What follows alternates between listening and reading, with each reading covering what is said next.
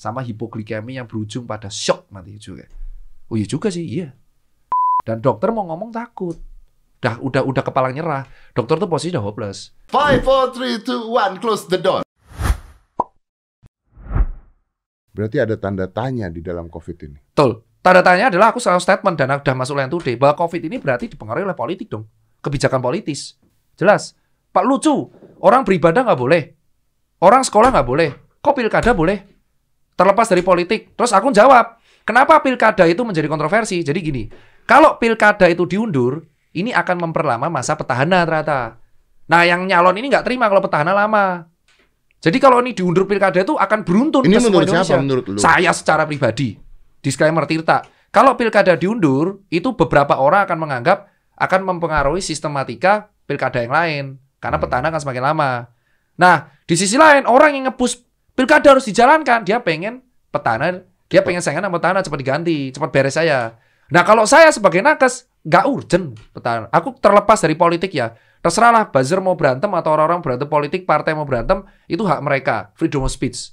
Hmm. Kalau saya sebagai seorang yang relawan di lapangan dan warga Kesehatan jelata, dulu. ini kan anggaran pilkada bisa dialihkan untuk orang miskin yang kedampak karena COVID secara nggak langsung, indirect, sama efek direct dari COVID. Nggak urgent. Kalau emang semua orang menjadikan COVID sebagai ladang kampanye dan pansos mereka di politik, nggak akan selesai, Pak.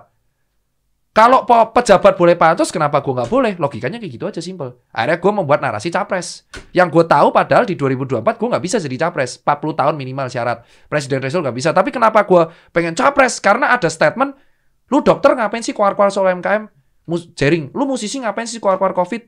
Kenapa kita harus nggak boleh sih freedom of speech? Akhirnya, tapi kita lihat politisi boleh ngomong kayak ya udah, gue jadi politisi aja. Supaya bisa ngomong. Bisa, bener ngomong bisa. Nggak ada yang goreng. Ada sih goreng tapi gue udah kebal, udah bodo amat, ikhlas. Udah, udah ikhlas. Ikhlas lillahi ta'ala, bodo amat mau digoreng mau apa. Tapi itu contoh paling simpel kayak di lapangan kontradiktif.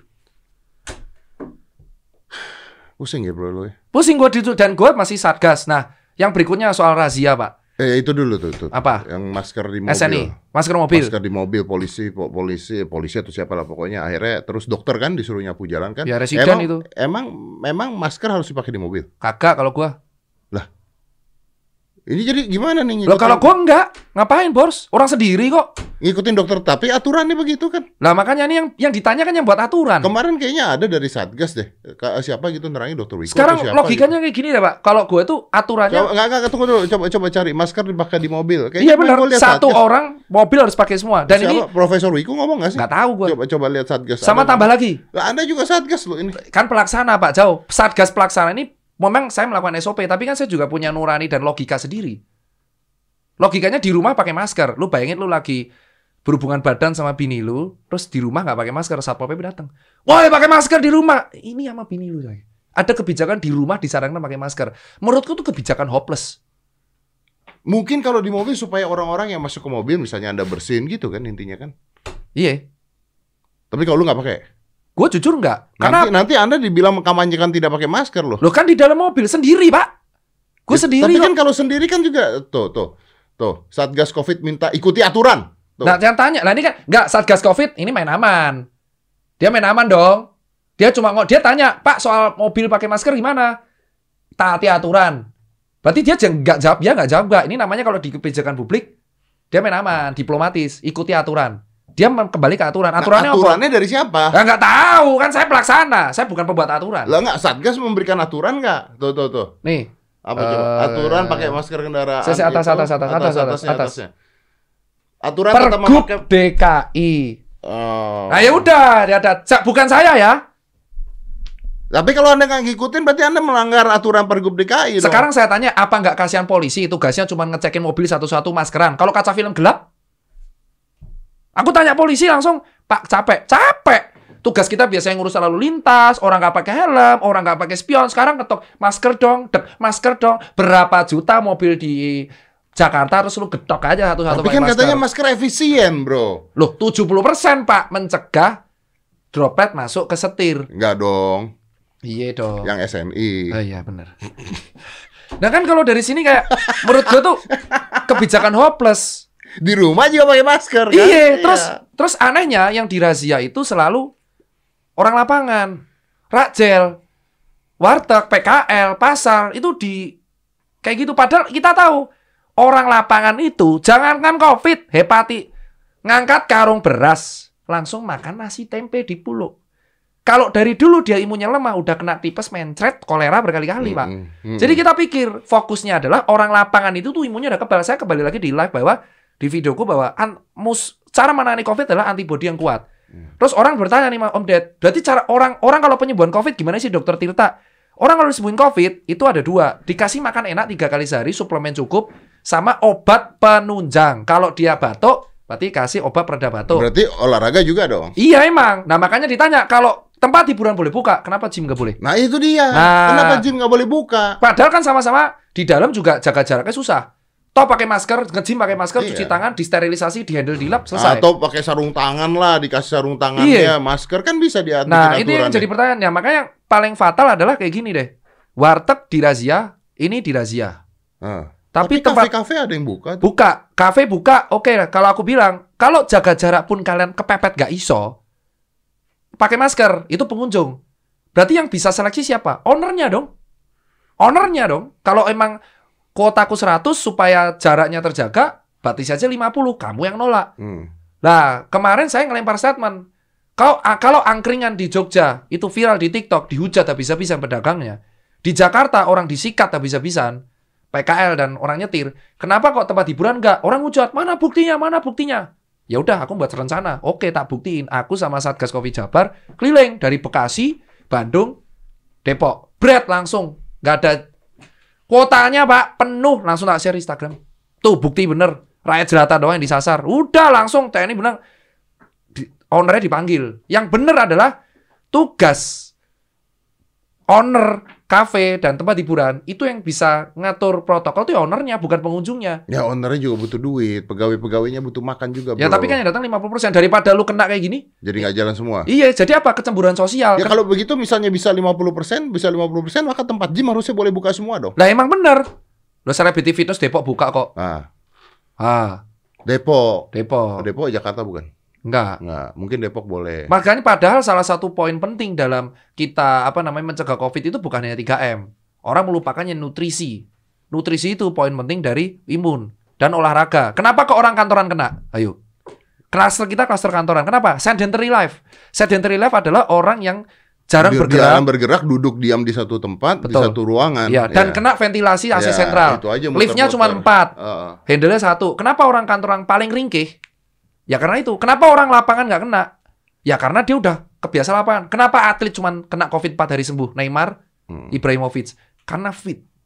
Berarti kalau untuk mencegah COVID, selain 3M, kita kurang edukasi yang nutrisi. Makanan, nutrisi cukup, sama olahraga. Nah sekarang orang bilang, orang olahraga harus maskeran. Saya kemarin skate sama VJ. Skate, ya skateboarder profesional lah, skate pro dia. Saya pakai masker, Nggak apa-apa. sesak nafas pak. Iya. 5 menit pak, pingsan saya itu pak. Hmm. Karena saya, makanya saya bilang, skate pun kan sendirian. Iya. Nah, makanya ini harus diperjelas. Jangan kita membuat kebijakan hopeless. Dan dasarnya adalah, sadar nggak sih, kita sekarang itu menuju herd immunity. Iya. Dokter bilang ke saya, nakes bilang, dok kontroversial loh. Tapi kalau aku bilang, "Eh, kita tuh menuju herd immunity loh. Kalau nggak sadar. Kenapa? Herd immunity syaratnya dua update. Apa itu? Aku Ya, kemarin dah- banyak. Dari Mayo ORG Klinik. Mayo Klinik ORG itu adalah salah satu sumber website yang kalau aku di kuliah kedokteran pakai itu. Syarat herd immunity, kekabaran ada dua. Satu, vaksinasi. Kedua, infeksi natural. Ya ini maunya ke mana ini sekarang? Infeksi Kan natural itu adalah ciri khasnya angka positif meroket, tapi diiringi angka kesembuhan yang meningkat. Ah, Tapi angka kematian menurun. It Ah. means positifnya naik, yang sembuh juga banyak, berarti udah mulai kebal. Tapi kita kematiannya naik nih. Kok bisa? Ini yang harus diaudit. Kita tuh menuju herd immunity. Jadi kalau kita bilang PSBB, bla, pemerintah terlalu takut untuk mengatakan kita itu Menurut lu ini herd immunity? sudah. Sudah kok, sudah menuju herd immunity. Kenapa? Nanggung dong kalau herd immunity mah. Ya makanya. Kalau herd immunity buka aja semuanya. Tepat. Makanya kita kan di setengah-setengah. Makanya jangan membuat kebijakan setengah-setengah. Ya, bukannya kita lagi nunggu vaksin? Vaksin itu salah satu herd immunity. Ada sumbernya Mayo Clinic ORG. Syarat herd immunity ada dua, vaksinasi dan eh, imunologi. Eh, si natural infeksi. Makanya syarat vaksinasi itu adalah 75% dari warga negara harus disuntik dua kali booster. Makanya Pak Luhut kemarin bilang 100 juta vaksin siap. Mulai dari nakes, lalu warga, dan pejabat. Berarti kita secara nggak langsung tidak ma- malu untuk mengakui kita herd immunity. Natural infeksi. Kalau kita positif tinggi, kesembuhan tinggi, kematian tidak ada, berarti herd immunity kita berhasil. Yang jadi pertanyaan masyarakat kok yang meninggal banyak. Nah, biasanya kalau di kedokteran yang meninggal banyak itu ada yang namanya audit mortalitas, audit kematian. Hmm, karena bisa aja meninggalnya sa- salah salah masukin data bisa. Git- Bisa aja, ya bisa. Bisa kan kita nggak tahu, nggak diautopsi juga. Makanya ditanya, kenapa kok nakes banyak, tingkat kematian nakes tinggi? Ini harus diaudit suatu saat nanti. Kenapa kok nakes di Indonesia meninggalnya banyak? Kenapa kok eh, tingkat kematian kita banyak? Kenapa kok anak muda bisa meninggal? Ini yang harus dipertanyakan. Inilah, makanya bilang pentingnya tim peneliti di sebuah negara. Ya, sebenarnya pertanyaan Jering itu ada benernya pertanyaannya Nah, kalau dari- cara dia bertanya baik. Tepat, itu, Itu yang saya toh. bilang. Jaring itu apa yang dinarasikan sebenarnya dari awal sama kayak Maksudnya saya. bisa aja kayak begini dong. Misalnya gue bertanya nih, Ha-ha. sekarang kita lihat bahwa na- eh, nakes ya, Ha-ha. atau, atau kita bicara dokter aja. Ah, Dokter yang meninggal saat eh, COVID ini eh, banyak, ada berapa lah gitu ya. Hmm. Semuanya ngomong meninggal, berduka cita, meninggal, berduka cita. Boleh dong kalau misalnya gue bertanya, coba kita teliti dengan baik dan benar, berapa jumlah kematian dokter di tahun ini dengan tahun lalu? itu cara jaring. Cuman kan orang senior nganggapnya, wah lu nggak respect sama orang meninggal. Ya, tapi cara jadi ngomong aneh. Salah. Nah kalau saya cara ngomongnya adalah kita harus berduka dengan wafatnya kawan-kawan saya. Ini harus jadi masalah. Nakes itu adalah orang yang harusnya paling terakhir untuk wafat. Ya, ya. Kalau sampai nakes wafat, ini ada masalah berarti. Ini yang harus dievaluasi agar ke depannya nggak kayak gini. Itu saya cara tanyanya. Ya. Lebih baik kan? Lebih baik. Nah, ini kalau misalkan ketemu, oh wah ternyata nakes wafat karena kekurangan APD. Tapi kenapa tidak di- diteliti berapa jumlah nakes yang meninggal di tahun ini dengan sebelum COVID? itu urusannya tim epidemiologi, Pak. Hmm. Ya tanya aja kenapa tim epidemiologi. Aku jujur kasihan Pak sama nakes. Kenapa? Kita tinggal nunggu dipanggil malahan. Kayak kayak kesarannya, wah kebijakan ganti lagi ya wis. Aduh positif lagi ya wis. Padahal di 2019 semua media sudah mengatakan vaskes kita itu rendah. Dan di bulan April Kalau kalau kalau kalau lu kayak kayak begitu kenapa ID tidak menggunakan jaring aja untuk menolak rapid test? Ya, ora oleh Pak. Oh nggak boleh. Kan dia rekomendasi. Organisasi profesi tidak boleh buat kebijakan. Itu ranahnya sih Satgas sama orang Bali. Ya harusnya Pak Koster dong yang rangkul. Lah, harusnya kalau gitu ID dengan jaring pada saat itu satu kata dong tentang rapid test itu. Ya emang harusnya, cuman terlanjur emosi dengan kata kacungnya itu. Makanya kembali lagi, kita harus memaknai segala sesuatu itu jangan emosional. Karena ini emang freedom of speech. Kita negara demokrasi, kecuali kita tinggal di negara paham sosialis kayak Cina atau korut. Hmm. Kalau kenapa kok Wuhan cepat? Sosialis Dia pak. Sosialis. Dia dia Ya, lockdown, lockdown kasih makanan. Iya. Nah kita PSBB rakyat pangan. Nah itulah Om Ded. Jadi yang di PSBB berjalan di Jakarta. Ya. Orang-orang di Jakarta main-main ke Bandung. Bekasi, Depok. Pindah doang, terus balik lagi ke Jakarta, naik lagi dah. Jadi kan Pak Anies kemarin bilang angka aktif kita turun 14%. Itu harus dia diaudit juga. Apakah angka aktif ini karena orang Jakarta pindah ke Jawa Barat atau emang turun? Terus aku sidak ke Bandung kemarin. Buset, emang rame banget bos plat B. Dan itu menjadi pertanyaan. Ownernya ngapain? Terus ownernya kemarin tadi klarifikasi, Dokter Tirta saya minta maaf, itu IO. Berarti owner nyalain IO. Tapi kan yang punya tempat kamu. Owner harusnya tahu dong, aku butuh duit. Susengker tutup 6. Udahan. Tapi kalau lu nyalahin ownernya juga owner kan tidak jelas juga kan harus gimana kan sebenarnya bro, lu sendiri mengatakan orang makan aja nggak bisa. Kalau kok. bisa dibilang owner ini kan punya talangan. Aturan, aturannya jelas kok di Jawa Barat ada aturan tempat hiburan boleh buka sampai jam 12 malam asal kuota 50% dan di dalam dipastikan pakai masker atau paling nggak diingatkan ada satgasnya. Oke. Gua sudah membuktikan, gua Om Ded buat event Soul Vacation di Jogja di Ambarukmo Plaza 8.500 orang. 4 hari, gak ada yang COVID, protokol kepatuh 97,5 persen. Oh, berarti tempat gym boleh dibuka dong Bet, harusnya. gua setuju tempat gym dibuka. Kenapa? Akan sangat tidak adil kalau misalkan tempat hiburan buka, tapi tempat gym tidak dibuka. Tapi gue seneng kemarin karena gue main eh, eh, bareng sama Pak Menhub Kenapa? naik MRT, gue naik MRT, udah gitu gue sepedaan sama Pak Menhub. Ada gymnya? ada nggak sepedaan, Oh. sepedaan. Terus gue bilang di depan Pak Menhub, ini sebenarnya naik- ningkatin imun tubuh ini adalah obat COVID. Gue bilang gitu. Ya Terus? bukan obat lah, tapi intinya begitu. Terus Pak Menhub juga mengatakan benar, saya membuktikan, saya dengan olahraga gini gini gini. Wah gue senang banget gue bikin video. Begitu pulang gue mikir, kenapa gue diajak sama Menhub ya? Kenapa bukan Menteri Olahraga ya? Kemenpora. Oh. Heh. Harusnya kan olahraga urusan Kemenpora ya. Iya, harusnya Kemenpora mencanangkan kenapa diam aja gitu. Olahraga nih harus begini nih, atau bikin apalah, bikin Mungkin tempat takut- yang bisa mungkin- olahraga. Jadi gini Pak, eh setauku Ini berani lagi aku statement. Mungkin para menteri kita takut statement karena takut di reshuffle. Jadi santai dulu. Santai. Santai takut. Takut buat kebijakan aneh-aneh. Karena takut di reshuffle. Apalagi ini deket-deket akhir tahun. di Lu nggak takut dari shuffle? Gua ya udah ikhlas pak. Paling hilang, bui. Apa sih? Paling ITE. Tirta kritik kritik ini melanggar nih pencemaran apa ya wes ikhlas. Dikebiri, dihancurkan karakter, didoxing, dihack, DR dicopot. Ya wes mau gimana? Emang fakta di lapangan kayak gitu tuh masa aku nggak boleh bicara? Nah kenapa kenapa lu harus ngurusin ini banget gitu? Oh karena lu ngeliat kejadian sebenarnya. Lihat kayak lu lihat selama tujuh bulan, terus lu harus kayak gitu, dan lu punya medsos 1,6 Oke, yang kayak amanah dan gue dipercaya dari 2014 UMKM. Why don't you talk gitu ya? Ya. Oke, kalau sekarang kita bicaranya begitu, kalau lu ngomongin UMKM aja deh, ini dengan masker scuba aja ng- nggak bisa aja UMKM yang bikin masker scuba rusak, Iya benar. UMKM yang harus buat, tapi barang-barang Cina masih masuk dan produksinya lebih bagus dibandingkan kita sekarang. Nah, itu urusan e-commerce kenapa mereka mau jual barang Cina, Bos? Nah iya betul, tapi kan memang ada itu kenyataan. Emang itu. ada. Nah, setauku yang UMKM kalau nggak salah Pak Teten, ini kita fair enough. Kalau yang bagus kita puji Ah. juga. Pak Teten juga membuat kebijakan ada keringanan buat UMKM. PPh final, lu kan dari pajak kemarin. Hmm. Pajak untuk yang UMKM ditiadakan sampai Desember. Hmm, Terus ada keringanan debitur untuk mengajukan kredit usaha rakyat UMKM. Oke, Jadi UMKM teman-teman yang mau ngajuin kredit langsung ke BUMN tanpa PBB itu bisa. bisa. Bisa, sekarang. itu Oke. Kementerian Koperasi yang buat. Oke, Fair enough, tapi harusnya ini kan pemerintah pusat udah bantu. Ada satu yang harus bantu lagi, apa nih? kepala daerahnya. Jadi saranku buat kepala daerah yang disentuh itu adalah tiap daerah kalau yang COVID-nya red zone terutama Jakarta, Jawa Barat, Jatim, Jateng, Bali, Sulsel Su- eh, sama Sumatera Tenggara, Sulawesi Tenggara. Itu kalau bisa selain swab gratis, ini kawasan yang pekerja harian UMKM disentuh. Entah dengan subsidi atau dengan stimulus. Nggak, kalau gini deh, gua gua potong aja gini deh. Sekarang kalau lu ngomong begini dari tadi kita ngomong begini, sekarang eh, jadi rakyat aja udah deh. Jadi rakyat aja deh. Mau Nah. ngap- ngapain sekarang? Nih sekarang aku Kalau jadi duit rakyat. nggak- nggak ada duit lo. Ini bisa konflik horizontal, Pak. Dan ini sudah panas banget di bawah. Iya nggak nggak ada duit lo sekarang nggak ada duit. Iya. Harus pakai masker. Iya. Masker kalau SNI diganti sehari empat kali. Yang tadi Iya. lu bilang kan 420 ribu tuh jadinya. Benar. Nah nggak punya duit. Iya. Apa yang harus masyarakat lakukan? Hopeless, Pak. Lah kalau hopeless apa nggak rakyat nanti? Emang. Itu yang terjadi sekarang. Makanya gue bersuara, Pak. Karena posisi di lapangan tuh panas. Sekarang gini deh, di bulan Mei mereka bisa bertahan. Karena mungkin tabungan masih ada. Di bulan September, ini kasus COVID naik, PHK meningkat, daya beli menurun, Bu Sri Mulyani ngomong resesi.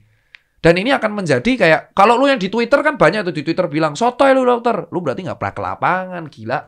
Gue dianjing-anjingin coy sama orang di preman itu. Dan akhirnya orang itu ngomong sama gue curhat sampai separuh nangis. Gue nggak tahu besok mau makan apa. Gue ke kali jodoh pak. Gue ke kali jodoh nih. Skatepark. Skatepark. Itu kan ada tukang parkir ya.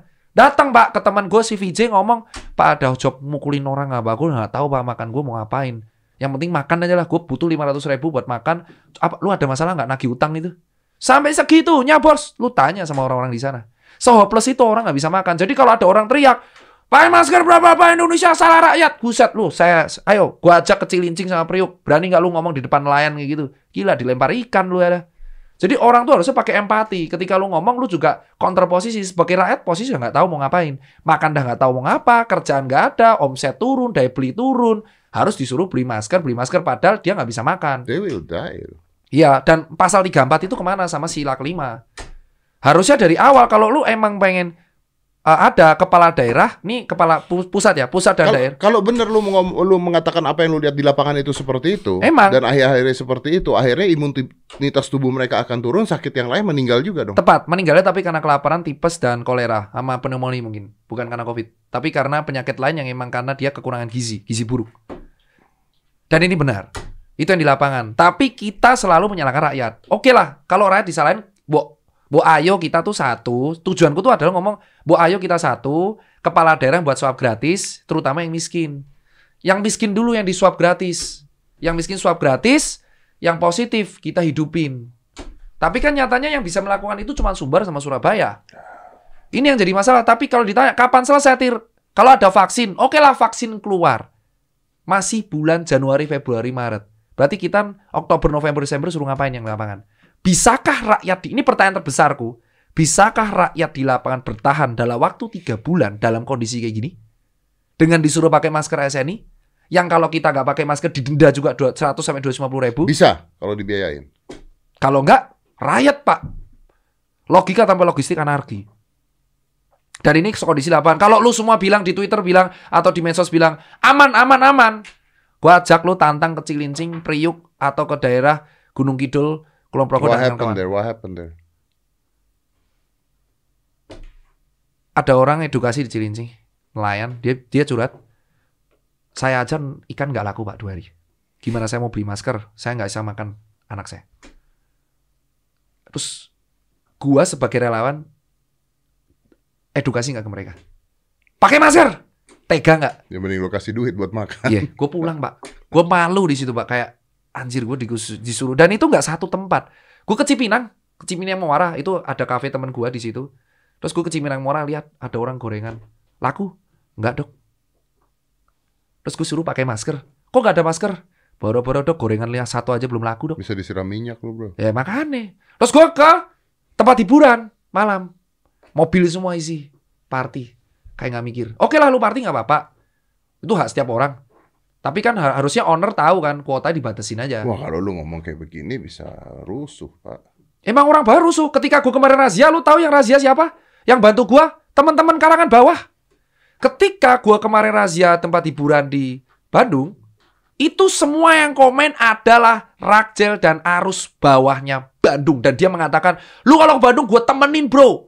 Razia bro. Perlu bawa apa? Anak buah berapa? Daripada gue gabut, gue ikutan. Gue pengen membuktikan orang bawah nggak bisa makan bro. Buset, orang bawah udah kayak gitu. Lu sentil satu-satu rusuh itu pak. Harusnya pemerintah tahu itu ya. Udah kemungkinan gesekan. Tahu, harusnya tahu. Nah, gua nggak pernah ngelarang orang nongkrong. Lu mau nongkrong terserah. Pakai masker apa nggak itu PR-nya owner. Misal kuota gua, misal kuota kafe gua 1000 orang, ya 500 kayak gitu loh. Kalau semua orang pengen cuan, gue juga pengen cuan. Masalahnya konser nggak bisa main kan kasihan musisi juga nggak bisa main ya. Ya musisi main, lihat 200 orang kayak yang penting operasional nutup, wes. Jangan incar profit terus, emang udah nggak bisa. Toh lari-larinya adalah herd immunity dari dari vaksin atau dari herd itu sendiri. Iya, imunitas itu iya harusnya ngomong harus. Gua ngomong kayak gini paling dihujat sama teman-teman gue dokter, tapi teman gue dokter pun tahu kita udah dilepas, udah menuju herd immunity. Kayak kok positif naik, ini naik, dan itu juga dipertanyakan datanya benar apa enggak. Karena provinsi sama kota kadang-kadang beda. Jadi lu nggak, lu tadi kan jadi per- gini, dok. Pertanyaan gua adalah kalau kita jadi masyarakat yang nggak punya uang harus ngapain? Nggak bisa dijawab dong. Hopeless bro. Gue bisa bilang hopeless karena kenyataan di lapangan man. hopeless. Emang. That's not the answer I want to get from Dan you. semua influencer yang akrab sama pemerintah nggak ada yang ngomong itu bos. Itu yang gue kecewa bos. Influencer yang dipanggil ke istana kemarin, PR ayo tanggung jawabnya gimana? Dah, lu kan dipanggil ke istana, berarti lu ada dipercaya dong sama rakyat. Influencer berarti kalau influencer dipanggil ke istana, it means dia dipercaya dong sama pemerintah untuk mengemong rakyat. Ayo, dijawab dong yang di lapangan. Anji udah berteriak. Gue respect sama Anji di situ. Dia keundang istana, tapi dia ngomong. Dia kenapa naikin pariwisata? Karena di pariwisata Gunung Puntang, Rancau Pas tuh hancur. Dia ngangkat yang gunung-gunung sekarang. Sebenarnya karena dia dibungkam juga, juga nggak bisa ngomong yang lain. Kan kasusnya masih jalan. Ini yang harusnya pertanggungjawaban lu ke rakyat gitu loh. Kan kasihan lu harus speak up. Emang di lapangan nggak bisa makan. Teman kita musisi juga nggak bisa makan. Teman kita orang IO, kuli bangunan, kuli pasar, kuli pasir nggak bisa makan. Supir-supir juga nggak bisa makan karena kena razia terus. Ini kan jadi masalah. Kalau ditanya, Tir solusinya apa? Gue cuma bilang swab gratis. Yang bisa ngomong kepala daerah masing-masing. Swab gratis buat orang miskin, jadi yang positif ditanggung. Jadi kelihatan langsung positif negatif biar cepat kelar. Habis di awal banyak. Kedua, kasih makan yang emang nggak mampu. Stimulus. Sekarang kalau nggak salah Pak Jokowi ngasih 600 ribu. Sama yang suntikan untuk buruh 2,5 juta ya. Itu Ya. kan pusat. Itu pusat. Ini pusat terus yang gerak. Daerahnya harusnya gerak juga. Jadi pusat gerak, daerah gerak. Jadi nanti terbentuk lingkaran asir. Gue ngomong kayak gini beresiko emang paling dihujat di mana-mana. Tapi ya ya udah menjadi public enemy itu salah satu freedom of speech juga kok. Gue belajar dari Coki Musin dan Rigen stand up komedian aja dihujat gak lucu biasa aja tir udah menjadi resiko lu lu udah nggak bisa lepas dari hal itu kita nggak bisa buat orang senang dengan kita semua tapi fakta di lapangan kayak gitu jadi gue mengajak teman-teman yang selama ini hanya ed- edukasi lewat medsos ayo aku ajak kita keliling di lapangan sama seperti kemarin aku ke Bandung ke Cimahi ke Depok ke Bekasi Kabupaten Tangerang kita keliling lewat lapangan yang aku lakukan aku cuma pengen keadilan kalau warteg dan PKL boleh dibubarkan dengan cara kayak gitu aku cuma pengen tempat nongkrongnya orang kaya juga di kayak gituin Faktanya kemarin kita di tempat hiburan aku sebut Verde dan Kiri juga aku pidatonya pelan-pelan kok, nggak denda, edukasi, cuman ngasih surat ke owner aja. Tolong kalau buat event atau buat acara lain kali kuotanya dibatasi. Di dalam, ayo teman-teman, kita jujur kemarin di tempat hiburan Bandung, Pak, nggak ada denda. Aku cuma bilang, ayo pakai masker semuanya. Sorry sorry, ini boleh nggak kalau gue bilang eh, lu mengatakan bahwa rakyat butuh makan bukan masker? Ya emang rakyat butuh makan. Makanya aku bilang edukasi adalah M M 2M, Apa itu? makan dan masker. Lu kalau nggak bisa ngasih Kasih makan, jangan edukasi, kasih masker. Kasih makan dulu. Jadi makan dulu. makan dulu karena posisi udah nggak bisa makan. Kalau dia bisa makan, dia teredukasi sendiri. Tepat. Karena logikanya jalan. Ingat, struktur primitif dari manusia adalah cari Makan. makan. Kayak hewan cari makan. Harimau lima hari kayak live OP nggak makan, buset temannya sendiri dimakan bos. Iya, Kita pun kalau ada yang kanibal, Hannibal, ya dimakan. makan bos temennya bos. Itu udah udah udah primitif. Gimana lu bisa edukasi kesehatan kalau lu nggak bisa ngasih makan? Dan gua yang di lapangan edukasi kayak gitu. Gua disemprot pak di Solo, gua masih inget. Saya butuh makan mas, nggak butuh masker. Buset bos, saya kan cuma ngelakuin tugas. Ya bilang itu ke atasanmu, saya butuh makan, bukan butuh masker. Ye. Datang lagi ke Makassar, saya butuh makan cuy. Ye. Ke Surabaya ketemu bonek, mas aku jujur butuh mangan mas. Aku udah nggak kerja guru aku mas. Aku guru honorer, online semua sekarang, guru olahraga. Gimana caranya aku ngajar kalau pas olahraga? Aku butuh mangan mas, mumet. Ke Bali, aku juga butuh mangan mas. Buset. Akhirnya edukasiku nggak jalan. Dan aku bilang ke atasan, aku bilang kok ke BNPB dan kawan-kawan, ini orang butuh mangan pak. Wah itu bukan urusan kita, urusan dinas sosial. Ya wis. Ya atasan nggak bisa ngomong, ID juga nggak bisa kebijakan. Akhirnya aku ngadu ke siapa lagi? Ya wis curhat aja. Kalaupun nanti suatu saat aku mendapatkan hujatan, aku mendapatkan doxing atau mendapatkan hack-hackan, ya wis resiko Om Ded. Dan jimu aja nggak dibuka. Sekarang ha- kamu juga bisa bertanya loh Om Ded, kalau tempat hiburan dibuka, yang jelas-jelas itu meningkatkan positif, pakai jaga jarak, kenapa kok tempat gym nggak boleh buka? Eh, tempat massage di Jogja buka loh. Tempat massage juga bukan? Buka. Lo gym nggak buka. Padahal gym itu simpel. Kuota 20 orang Iya. per jam. Per jam selesai. Terus tiap jam jeda 15 menit bersihin. dibersihin. Selesai. Itu eventku 8.500 orang event Soul Vacation Ambar Rumah Plaza. Kuota 200 orang per jam, tiap 3 jam sterilisasi. Bisa. Selesai masalah. Itu yang aku bilang, aku minta gym dibuka. Jadi orang daripada stres di rumah nge-gym. Dan aku minta orang yang olahraga udah biarin nggak usah dirazia. Yang penting juga olahraga kok. Hmm. Selama olahraga dia nggak ngumpul. Kalau dia lari maraton, lu bayangin lari maraton 20 kilo, pakai masker, mati di jalan itu, Pak. Mungkin lari ke sebelah, waduh, pes gua, mau pes gua turun. Ya. Jadi itulah yang aku bilang. Edukasinya kita harus 3M. Masker, cuci tangan, jaga jarak. Jaga jarak ini relatif ya, karena di pasar susah. Dan orang terlalu munafik untuk ngomong ini. Faktanya di MRT juga nggak jaga jarak. Terus orang pejabat-pejabat itu kalau rapat juga nggak jaga jarak. Pas foto-foto juga nggak jaga jarak. Jadi jaga jarak ini adalah suatu edukasi menurutku munafik. Aku juga sering langgar kok. Iyalah, kita Terus, semua sering ngelanggar. lah. Edukasi yang keempat itu makan. 4M. Kelima, membaca berita positif. Keenam, melakukan kegiatan olahraga. 6M sebenarnya. Nggak makan, nggak masker juga. Terus yang terakhir adalah swab pe- kepala daerah, ngomong swab gratis, terus habis itu ngasih stimulus ke UMKM. Pertanggung jawabnya pakai APBD daerah. Dana revisi APBD atau peralihan dana atau realokasi. Ada. Jadi pusat ngasih sentuhan ke lewat kredit usaha rakyat, dan ngasih lewat kartu prakerja, dan ngasih lewat sentuhan ke buruh, ini pekerja harian disentuh sama daerah. Jadi menurut lo kalau seandainya rakyat ini bisa makan Paling nggak dua kali- minggu, oke, aman. tiga kali sehari makan, maka aturan-aturan masker dan sebagainya, ngomongan konspirasi dan sebagainya akan teredam karena mereka bisa berpikir logika. Tepat. Logika mereka sekarang lagi nggak jalan karena mereka bingung besok mau makan apa. Ah. Akhirnya mereka defend dan denialnya, defend mekanismenya menyalahin sebuah institusi dan pembuat kebijakan. Di mana akhirnya ketika mereka mau ngomongin konspirasi dan sebagainya menjadi wajar karena eh, tidak punya alasan lain buat mereka berpikir. Dan kayak terkesan, ke selalu kebetulan kayak contoh, masker SNI, tiba-tiba besok, hari ini, aku lihat empat berita, se- semua departemen store ngeluarin masker yang dari di stok. Oh, berarti direncanakan. Nah, kayak kayak konspirasi kan? Kayak konspirasi. Nah, itu yang aku bilang, gimana kamu menolak konspirasi, wong kebijakanmu aja mirip konspirasi. Logika tanpa logistik anarki. Gimana kamu bisa pakai masker orang kamu nggak bisa makan? Itu pertanyaan. Dan kalau ditanya, Tirta nih hope-nya apa? Hopeless kalau rakyat ya. Rakyat jelata. Kalau orang kaya saya yakin selamat. Punya aset, punya tanah, tinggal jualan. Udah. Terus kalau kita menuju apa? Menuju vaksin, aman. Vaksin bukan obat mas, vaksin mencegah Do you, doang. do you think it's gonna be riot? Jujur aja karena kebijakan dari Februari udah salah ya kita udah salah. Now, what do you think is gonna be riot? Absolutely. Yes. Dan dimulai dari Jakarta. Aku bilang prediksi aja. Hati-hati di dekat akhir tahun. Apalagi ada pilkada. Udah orang stres ramangan, pilkada beda pilihan. Wah, hati-hati tempat yang pilkada. Jakarta, Surabaya, Okay. Jogja. How to stop this? Lu kasih makan yang di bawah. Kasih kesempatan rakyat rakyat ini untuk berbicara. Jangan kasih kesempatan panggung. Kalau pejabat boleh cari panggung, ini saya boleh pansos, saya boleh pansos, Om boleh cari panggung juga, mereka juga harus dapat panggung untuk bersuara. Untuk bersuara. Paling enggak biar rakyat, biar orang di atas dan orang-orang yang hobi ceramah di Twitter buat tweet yang nyalahin rakyat ini tahu kondisi rakyat kayak apa. Saya yakin kok mereka saya syarat ketemu preman juga takut masih. Kalau saya udah ketemu tiap hari. Pak Oga bisa makan apa, Rang? Tempat ibadah ditutup. Tapi pilkada boleh jalan. Paling aku besok dihujat. Jadi kesimpulanku di situ. Makanya aku bersuara terus. Selama nggak ada swab gratis, tracing kita nggak akan jalan. Kenapa swab gratis? Karena kesehatan warga negara di kala pandemi adalah tanggung jawab dari Kenapa negara. tidak ada swab gratis? Nggak tahu. Mungkin karena masih pengen ngabisin rapid kali. Yang sudah rapid gak bermanfaat.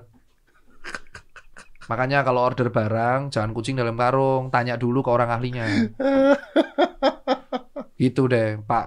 Saya kasihan Pak. Lu tuh, lu tuh ya, kita tuh berkali-kali ke sini ya. Eh, yang kedua itu lu mencoba untuk mengedukasi tentang udah nggak usah ngomongin konspirasi, kita harus ngomongin tentang masyarakat ini harus seperti apa. Ya. Yang ketiga ke sini, lu berkata bahwa ya jelas lah ngomongin konspirasi orang masyarakatnya nggak bisa makan. Ya emang, karena di nomor tiga tuh aku ngomong karena masih tiga bulan.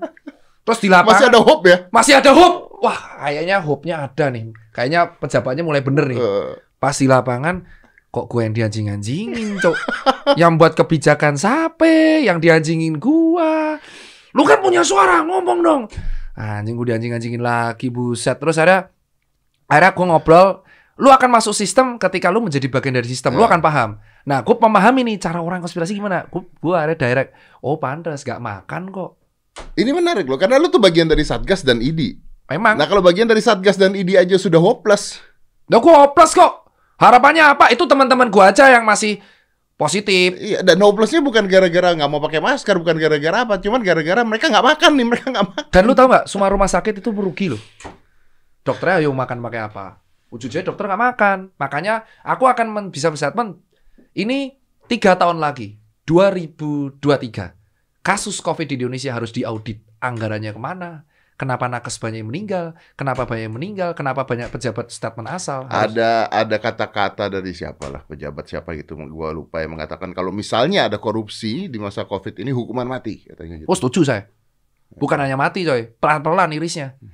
Anjir kesel banget soalnya di lapangan ini nggak bisa makan cok gitu loh. Jadi kalau gue bilang harus diaudit. Pertama masalah kematian, kok bisa yang mati banyak. Terutama nakes. Ini harus dievaluasi. Bukan salah nakesnya dong. Nakes udah berusaha tiba-tiba keinfeksi, tiba-tiba langsung straight meninggal gitu. Tanya kenapa APD-nya atau vaskesnya nggak lengkap. Kalau emang iya, jangan sampai kita nanti kena COVID-20, kena COVID-21, ah, biar satu negara malahan. Kedua, soal penyerapan anggaran. Kok bisa kepala daerah A bisa swab, kepala daerah B bisa swab gratis, ini nggak bisa. Tanya ke mana anggarannya, audit. Kenapa kok dulu rapid sudah jelas zong untuk sebagai eh, diagnostik tes, hanya screening tes, kok malah jadi alat SKCK? Karena swabnya lama. Ya kalau swabnya lama, kenapa dulu nggak beli swab? Bingung nanti bisa jawabnya. Saya yakin, saya yakin pasti kalau di debat kayak gini. Kenapa kita rapid jadi kebijakan? Karena swab tuh lama Mas Tirta, makanya rapid kita pakai. Ya kalau swabnya lama, kenapa kamu kamu nggak perbanyak swabnya? Anu, kan impor dua-duanya. Terus kenapa rapidnya mahal dulu? Anu, kok sekarang murah dulu mahal ayo? Apa karena stoknya sekarang masih banyak sisa-sisa? Logikanya kalau swab menjadi gold standar PCR, kenapa swab tidak diperbanyak? Logikanya masih lempar-lemparan sekarang. Swab PCR, swab ada dua ya, PCR sama antigen. Dosanya masih PCR, kenapa nggak PCR? Kenapa swab mahal? Sampai sekarang masih satu setengah sampai 2,3 juta. Kenapa yang ditanggung positif doang? Kenapa kamu nggak jujur bahwa obat COVID itu tetap makan sehat, eh, dikasih multivitamin, kasih obat paracetamol, ada Avigan, ada kawan-kawan yang sesak nafas kayak hidroksikloroquine dan kawan-kawan, ada antibiotik dua biji yang dosis paling tinggi untuk meningkatkan antibodi.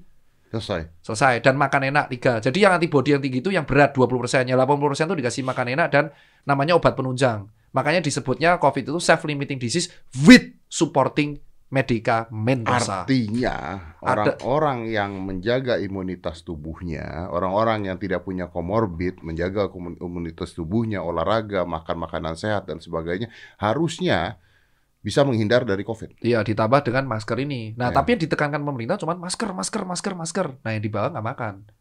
Coba kamu pakai masker tapi tujuh hari tujuh malam nggak makan, Pak. Aku tanya gitu ke atasan. Coba, Pak.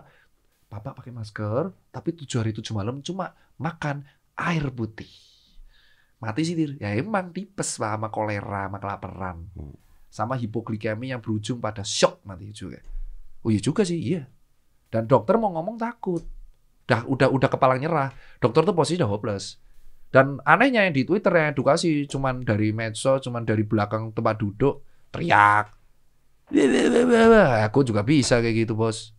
Gue dihujat-hujat udah bodo amat Twitter. Alah jas sosial media ketemu gue juga bodo amat paling. Ada yang bacok gue nggak ada juga. Lep, makanya temen gue lebih grassroots. Lebih enak ngobrol sama grassroots. Nyatu. Aku udah ngomong sama dokter. Sama tolong Pak Menkes direvisi statementnya di Februari. Cuma ngomong sih, Menkes-Menkes yang di luar negeri kalau salah mundur. Aku nggak nyuruh lah, cuman bilang Menkes kemarin Belanda mundur, eh, Brazil mundur, Ekuador mundur. Karena malu. Gagal soalnya. Kalau kita maju terus pantang mundur. Hidup Pak Terawan.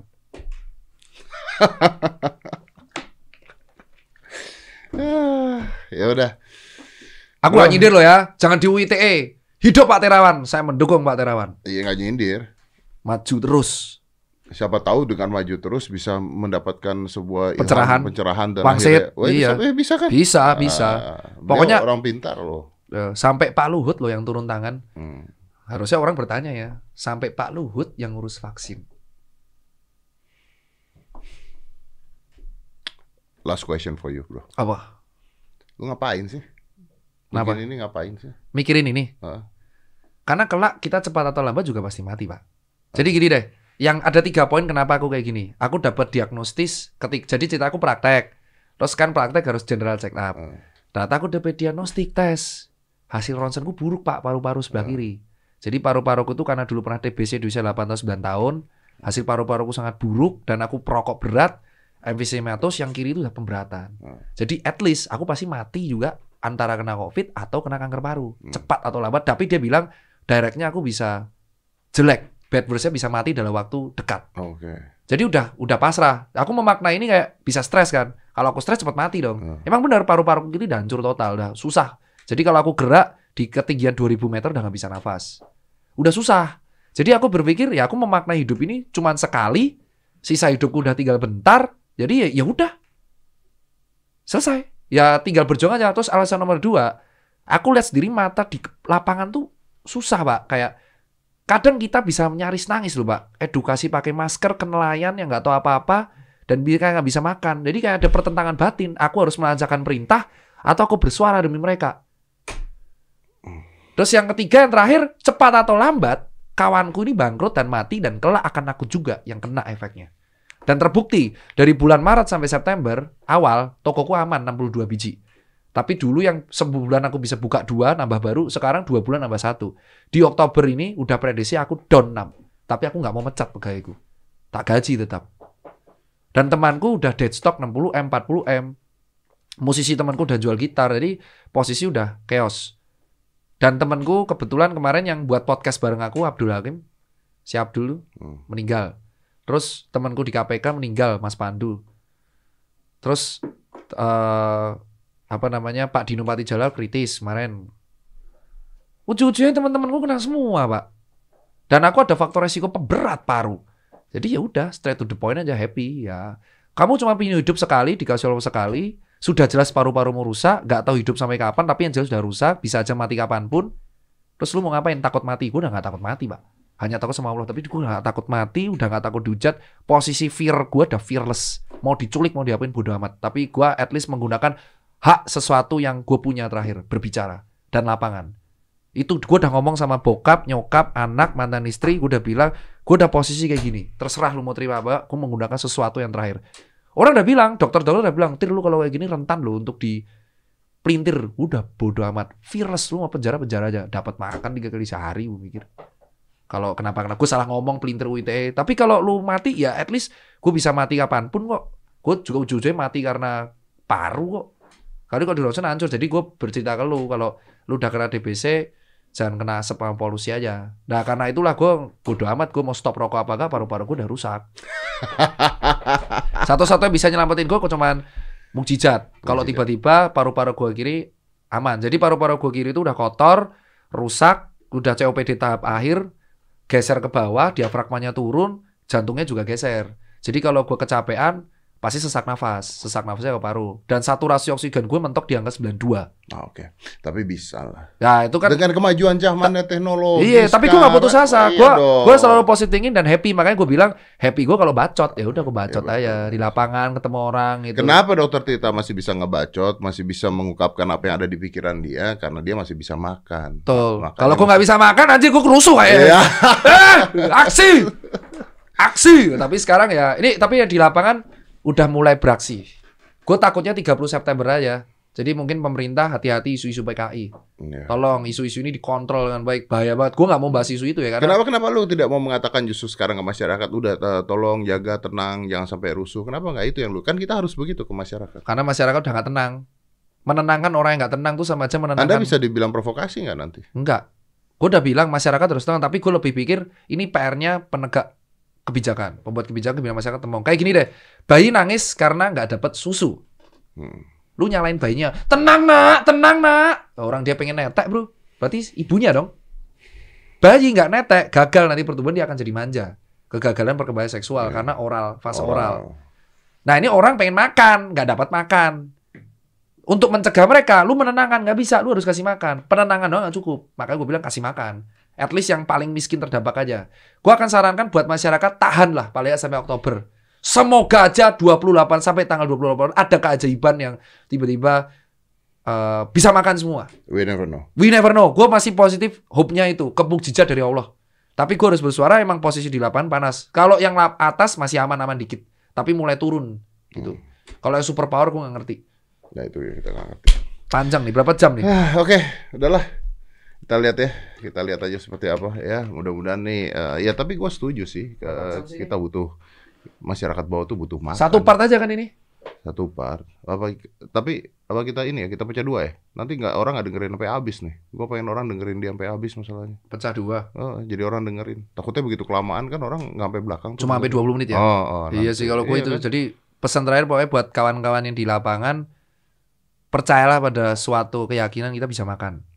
Tapi kalau lu emosi, Tadi lu bilang eh, gimana sih ini orang? ya percaya kan. Hope-nya nggak ada, tapi siapa tahu ada mujizat. Ya, ya, ya. Ditahan diri kalau ngelakuin kriminal. Tahan diri, Tahan. tahan diri banget. Jangan sampai amit-amit bro, jangan bro. Hukumnya akhirat gitu, akhirat bahaya. Jadi kalau lu mau berbuat nyolong atau apa pun, tahan, Tahan diri, diri. dulu, tahan. Nah tapi lebih ke PR-nya ke atas. Pemerintah. Tolong, aduh pemerintah. Ketika masyarakat udah menahan diri, ya tolonglah Tolonglah, tolong di diampu lah. Dan nahan ini soalnya. Udah nahan nih. Nahan ya. lah nih. Jangan sampai Mei 98 terulang coy. Aduh pusing kepala saya. Ini nyokap saya loncat dulu di Solo aduh. loncat pak itu pak patah tulang kan ngerasain aku dibantai di Solo itu kan. Aduh jangan lah pusing. Jangan sampai kejadian. Jangan sampai amit amit amit Oke. amit. Thank you, Dok. Let's close this. Five, four, three, two, one. Close the door.